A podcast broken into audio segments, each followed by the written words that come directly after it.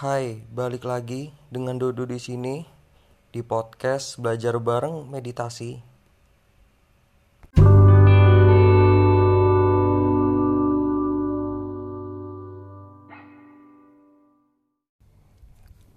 Oh iya, sebelum kita lanjut ke inti dari episode ini, gue mau ngasih tahu bahwa ke depannya podcast ini nggak cuma ngomongin soal meditasi secara khusus, tapi gue juga bakalan bahas soal hal-hal yang kita temui sehari-hari. Beberapa dari gue, beberapa yang dibagikan sama teman-teman gue. Dan tentu gue udah minta izin sama mereka sebelumnya. Gue mau cerita. Pas pertama kali kampus di lockdown, sekitar mungkin udah sebulan yang lalu ya. Reaksi pertama gue tuh sebenarnya cukup seneng sih. Karena oke okay, eh, gue nggak perlu buang-buang waktu untuk jalan dari kosan menuju ke kampus.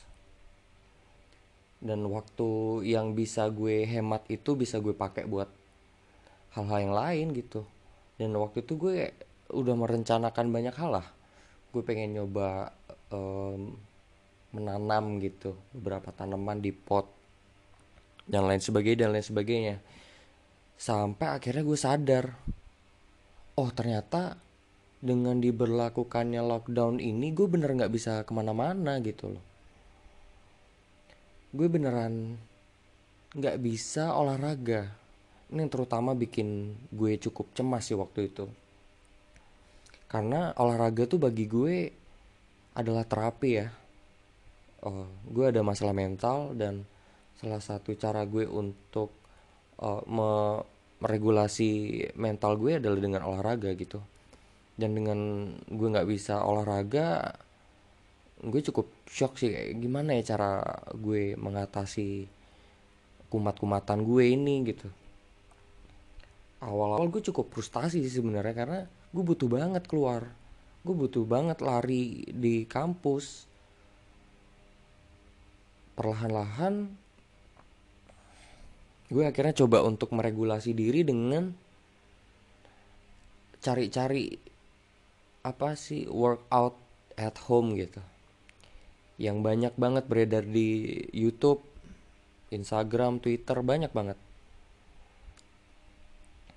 Situasi hari ini tuh sebenarnya sangat nggak menyenangkan sih.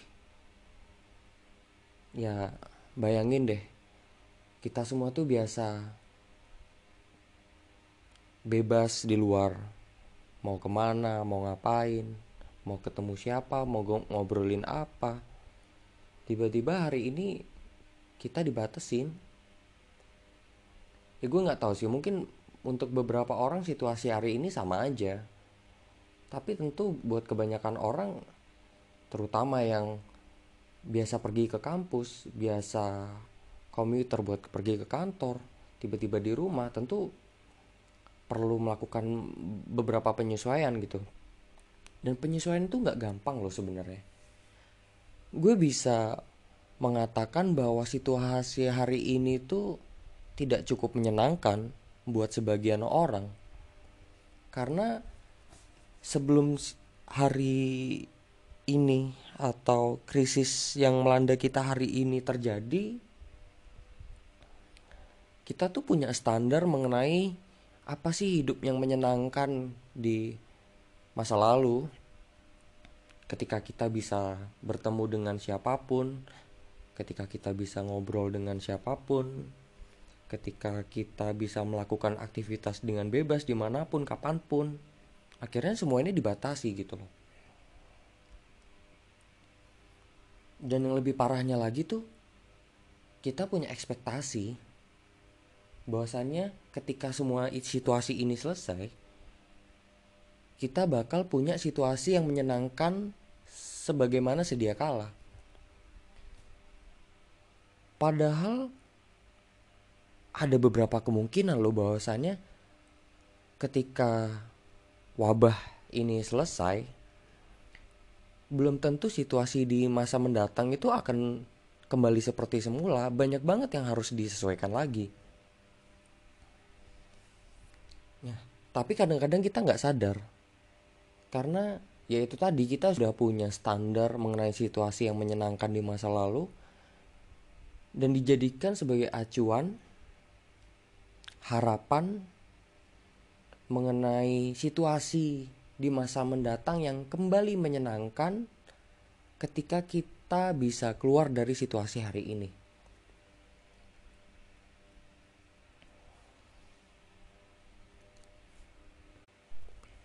Sebenarnya pikiran-pikiran kayak gini tuh nggak terjadi karena sekarang kita sedang menghadapi wabah ya atau perintah untuk bekerja dari rumah nggak sebenarnya. Kita tuh sudah sering kali menghadapi situasi-situasi yang tidak menyenangkan. Mungkin lo yang mendengarkan ini gue percaya sebagian dari lo lah itu pernah punya pikiran di mana oh gue pengen segera lulus SMA deh gue udah nggak kuat. Gue pengen segera kuliah gue pengen ngerasain lingkungan yang baru begitu lo kuliah biasanya nih dihadapin anak-anak tahun terakhir lagi skripsian. Aduh gue pengen segera lulus deh. Gue udah nggak kuat kuliah terus. Gue pengen segera kerja biar gue punya uang. Udah lulus udah kerja. Aduh kantor gue yang sekarang gak banget sih. Gue pengen pindah kantor deh. Dan akhirnya lo pindah kantor. Kantor yang baru juga demikian lo bilang aduh gue nggak puas banget sih kerja di sini gue ngerasa nggak berkembang lah. Atau gue ngerasa nggak cocok lah dengan teman-teman. Gue ngerasa kurang dihargain sama bos gue. Lo pengen pindah lagi. Terus mungkin lo juga ngerasa kayak aduh gue nggak passion banget nih sama kerjaan ini. Sekarang gue pengen nyobain hal lain. Lo selalu ngerasa situasi yang hari ini itu tidak menyenangkan. Dan membuat lo pengen keluar dari situasi ini dengan ekspektasi di situasi yang baru lo bakal mendapatkan kesenangan-kesenangan. Ini satu hal. Belum lagi ketika lu akhirnya membanding-bandingkan situasi lo hari ini dengan situasi lo yang udah lo lewatin gitu. Aduh kerja nggak banget sih kayak kuliah itu udah momen yang paling best lah. Sepanjang hidup gue kuliah tuh udah oke okay banget. Gue kalau bisa ngulang waktu gue pengen kuliah lagi dah. Ada yang kayak gitu. Ada juga yang udah pindah kantor, udah pindah kerjaan, udah ganti perusahaan karena di perusahaan yang sebelumnya dia ngerasa nggak puas. Terus begitu udah dapat kerjaan yang baru, dia merasa aduh sama aja, malah mendingan yang dulu. Yang dulu gue bisa dapat ini, dapat itu, bisa ngerasain ini, ngerasain itu. Nah, bayangin kalau kedua hal itu terjadi bersamaan gitu loh. Gue ngerasa ini kecenderungan kita sih. Ya at least kecenderungan gue lah. Gue nggak tahu apakah itu terjadi sama lo apa enggak tapi gue yakin setidaknya kita semua pernah mengalami perasaan di mana situasi hari ini tuh tidak menyenangkan dan membuat kita ingin keluar dari situasi ini. Gue mau cerita sedikit pengalaman gue. Dulu gue sebelum kuliah adalah pengamen dan pernah berhenti sekolah dua kali. Ketika SD dan ketika SMA pasca lulus SMP dulu gue pengen banget keluar dari situasi-situasi yang tidak menyenangkan. Ketika SD gue pengen banget bisa berhenti sorry ketika SD gue ngerasa sekolah tuh capek banget gitu. Terus gue dikasih lah dengan pengalaman berhenti sekolah. Dan ketika gue berhenti sekolah gue pengen banget balik lagi sekolah. Akhirnya gue dikasih lagi balik sekolah. Gue maksimalin situasi gue balik sekolah itu sampai lulus SD gue masuk SMP ketika SMP gue cukup tertekan sih karena gue harus sekolah sambil bekerja gitu. Gue pengen banget gue pengen bisa segera SMA dan kemudian kuliah deh. Gue capek banget sih kalau sekolah harus sambil kerja gini gitu gue nggak bebas banget. Akhirnya gue malah dikasih berhenti sekolah lagi gitu. Kemudian gue pengen banget balik sekolah lagi ya nah, akhirnya gue dikasih lagi balik sekolah paket C. Ketika paket C gue pengen banget bisa segera kuliah. Karena sebagai anak paket C itu situasinya tidak menyenangkan gitu kayak gue sering banget dipandang sebelah mata misal. Apalagi ketika itu gue sekolah sambil ngamen gitu. Jadi pengamen itu ya gitu sering banget dikucilkan oleh masyarakat gitu misal. Gue pengen banget keluar dari situasi hari itu. Gue pengen banget kuliah. Atau seenggaknya kalau gue nggak kuliah gue udah punya ijazah SMA lah buat bisa daftar kerja gitu. Nah, akhirnya gue dapat kuliah. Gue mulai kuliah dan ternyata gue sering banget mengeluhkan situasi-situasi ketika gue kuliah. Dan diperparah dengan situasi di mana gue harus mendapatkan gue harus struggle sama mental issue gue gitu. Gue pengen sembuh gue pengen sembuh gue pengen keluar dari situasi ini gue pengen keluar dari situasi ini. Gila gue stres banget punya mental issue. Gue capek banget harus ngalamin depresi gue capek banget harus ngalamin anxiety. Lama gue mikirin kayak gitu. Dan gue menemukan bahwasannya gue memang salah pikiran gue selama ini gitu. Harusnya gue tidak berusaha untuk keluar dari situasi yang sedang gue jalani. Seharusnya gue belajar untuk menjadi lebih kuat untuk menangani situasi yang sedang gue jalanin gitu. Apakah keluar sorry, apakah berusaha keluar dari situasi yang ada itu salah? Gak salah juga sebenarnya. Kayak misal ada orang yang terlahir dari keluarga yang tidak berkecukupan. Dia ingin sekali keluar dari situasi itu dan mengangkat derajat keluarganya dengan bekerja keras supaya punya uang cukup dan bisa mengeluarkan dirinya dan keluarganya dari situasi tidak berkecukupan. Bagus sebenarnya kan tapi lebih bagus lagi sebenarnya dengan berusaha menjadi lebih kuat, belajar menjadi lebih kuat untuk bisa menangani situasi yang ada gitu. Dan sebenarnya pada kasus orang yang dulunya tidak berkecukup tidak berkecukupan lalu dia berusaha keluar dari kondisi itu dengan bekerja keras, sebenarnya dia sedang melewati proses di mana dia menjadi lebih kuat untuk bisa menghadapi situasi yang sedang dia jalanin gitu. Tapi yang nampak yang nampak hanyalah dia berusaha keluar gitu loh.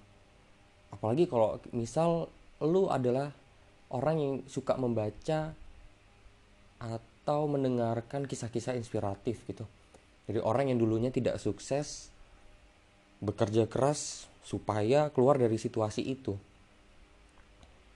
Nah, kita nggak tahu loh, ada kehidupan di luar sana, di sekitar kita mungkin.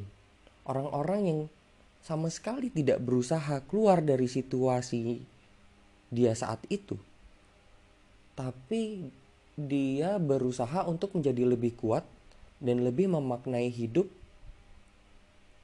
lebih baik gitu ada loh orang-orang yang tetap pada situasi tidak berkecukupan tapi dia menjadi orang yang lebih damai ketimbang dulu meskipun sama-sama tidak berkecukupan. Tapi sayangnya cerita-cerita seperti ini tuh sering kali tidak di tidak mendapatkan panggung gitu di media. Akhirnya kita tidak tahu. Yang kita tahu oh orang-orang itu berusaha untuk punya hidup yang lebih baik keluar dari situasi tidak berkecukupan yang dulu dialami.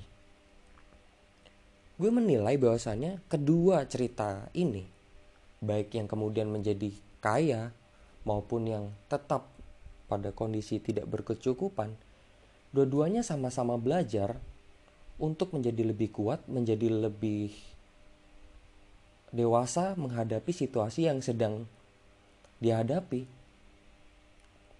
Dua-duanya sama-sama belajar dan akhirnya dua-duanya sama-sama menjadi bahagia gitu. Nah sayangnya sering kali kita tuh berekspektasi untuk keluar dari kondisi saat ini.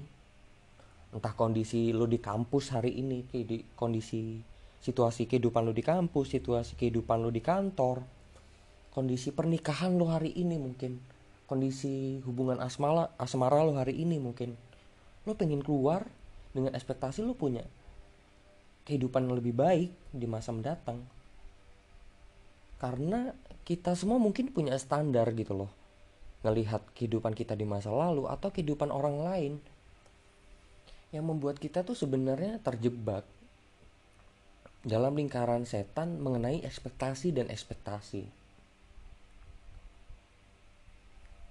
Nah, belajar untuk bagaimana caranya menjadi lebih kuat pada situasi hari ini. Langkah pertamanya adalah dengan fokus dengan apa yang kita punya di sini dan saat ini. Ibaratnya kita sedang duduk ya di rumah. Gue, lo semua yang lagi dengerin lagi duduk di rumah terus ngeliat beberapa bagian dinding rumah kalian itu udah mulai kusam. Dan kalian teringat jam dulu uh, satu tahun atau dua tahun yang lalu ketika baru dicat dinding ini oke okay banget. Atau mungkin kalian membandingkan dengan kondisi dinding rumah tetangga kalian gitu. Wah cat dia rumah uh, war sorry warna dinding di rumah dia bagus banget cerah banget catnya baru kita berusaha keluar dari situasi itu. Nah itulah pikiran yang membuat kita sering kali ngerasa tidak senang gitu loh. Ya oke okay, lo bisa beli cat tapi kalau uangnya nggak ada masa lo harus tersiksa? Ya kan nggak juga kan? Nah langkah lebih baiknya kalau kita tuh bisa melihat dan fokus pada situasi yang sekarang dan mencoba untuk memaksimalkan yang ada sehingga otak kita tuh bekerja lebih keras untuk menjadi kreatif dengan menyelesaikan situasi-situasi yang ada sekarang. Kayak misalnya, duh, sekarang gue harus di rumah aja. Nanti kalau semua ini udah kelar gue bakal mulai lari pagi setiap hari rutin. Ya maksud gue kenapa lo nggak mulai aja sekarang misal? Atau apa pun misal kayak duh nyesel gue waktu kemarin belum WFH gue nggak ikut kursus ngelukis. Nanti kalau situasi ini udah kelar gue bakal segera daftar khusus melukis deh. Ya kenapa nggak lu mulai aja dari sekarang gitu maksimalin yang ada. Lu punya internet lu punya uh, sosial media lu punya HP lu punya laptop apa pun gitu. Itu yang kasus sederhana. Di kasus lain mungkin kayak ada beberapa orang yang punya pacar misal. Terus dia ngerasa nggak puas dengan hubungan yang sekarang karena kayak duh pacar gue nih kenapa sih bikin gue kesal mulu gitu loh. Nah emangnya ketika dia putus sama pacar yang sekarang lalu ganti punya pacar baru kemudian dia nggak gampang kesel gitu sama pacarnya? Maksud gue kenapa nggak coba untuk menjadi orang yang nggak gampang kesel gitu loh? Dengan fokus pada hal yang positif dari pacar kita misalnya.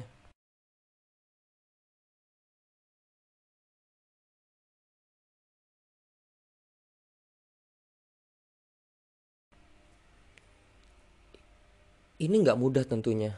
Nggak segampang apa yang gue omongin nggak segampang gue ngebacot dari tadi. Secara teknis tentu gue nggak bisa ngerangkum lah gitu. Tentang bagaimana caranya uh, untuk fokus pada apa yang ada sekarang. Karena secara tidak sadar kita punya standar-standar tertentu loh tentang kehidupan yang ideal. Entah yang muncul dari pengalaman kita di masa lalu atau dari hal-hal yang kita baca dari apa yang kita lihat dari sekeliling kita dari apa yang kita banding-bandingkan dengan diri teman apa yang dimiliki oleh teman kita misal. Yang bisa gue saranin hanyalah belajar meditasi. Kenapa belajar meditasi? Karena dengan mengobservasi pernafasan, kita tuh belajar untuk fokus kepada apa yang ada saat ini dan apa yang ada di sini. Ya, nafas lo yang masuk adalah apa yang terjadi saat ini dan di sini. Nafas lo tidak terjadi di planet Mars tidak terjadi ketika Bung Karno memprovokasi memproklamasikan kemerdekaan Indonesia enggak kan dia terjadi hari ini gitu loh dan di sini nah ketika kita mengobservasi pernafasan terus mengobservasi lalu tiba-tiba pikiran mendistraksi tapi kita berusaha pelan-pelan untuk mengabaikannya dan fokus lagi kepada pernafasan. Ya kita belajar untuk fokus kepada apa yang kita miliki hari ini.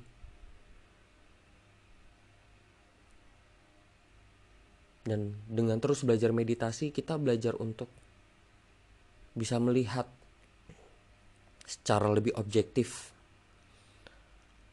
apa yang terjadi pada diri kita hari ini, saat ini, memberi jarak antara diri kita dengan perasaan kita. Kita lihat apa sih yang terjadi di kedalaman batin kita. Oh, lagi marah-marah. Kenapa sih kok marah-marah? Oh, lagi sedih. Kenapa sih kok sedih? Oh, lagi kesepian. Kenapa sih kok kesepian? Kita memberi jarak kepada diri kita sehingga kita bisa observasi perubahan-perubahan apa yang ada di dalam diri kita. Kita lihat, lalu coba kita atasi.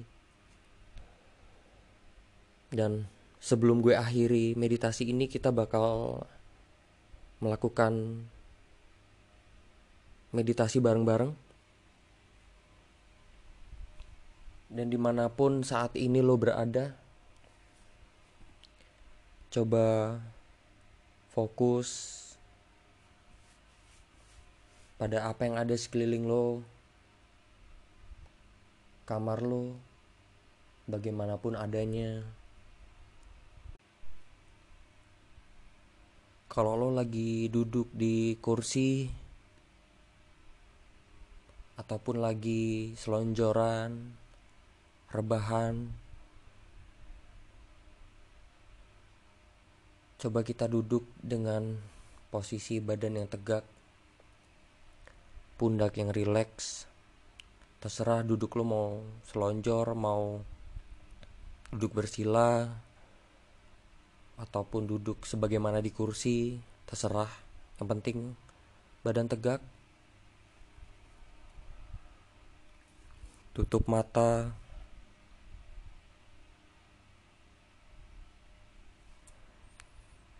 Rasakan nafas lu masuk lewat hidung. mulai dada mengembang dan ketika nafas keluar lewat lubang hidung dada mengempis. Lo boleh pilih salah satu antara memperhatikan nafas yang keluar dan masuk lewat lubang hidung atau dada yang mengembang dan mengempis lo boleh pilih salah satu. Lalu tetap fokus pada yang lu pilih itu perhatikan pernafasan sebagaimana adanya. Kadang dia kenceng kadang dia lambat kadang dia keras dalam kadang dia halus.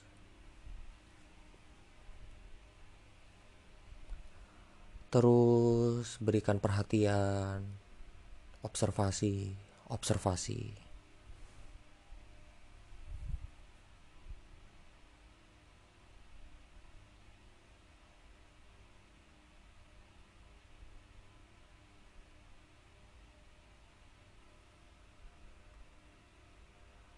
Dan ketika pikiran mulai mengganggu,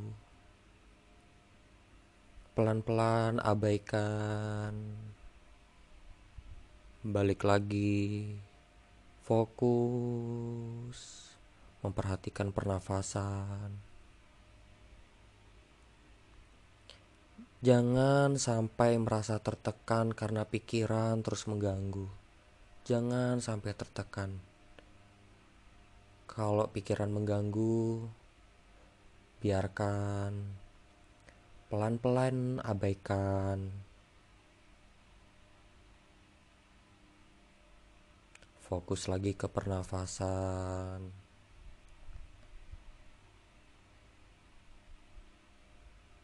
kalau pikiran terlalu mengganggu lo boleh ambil nafas lebih dalam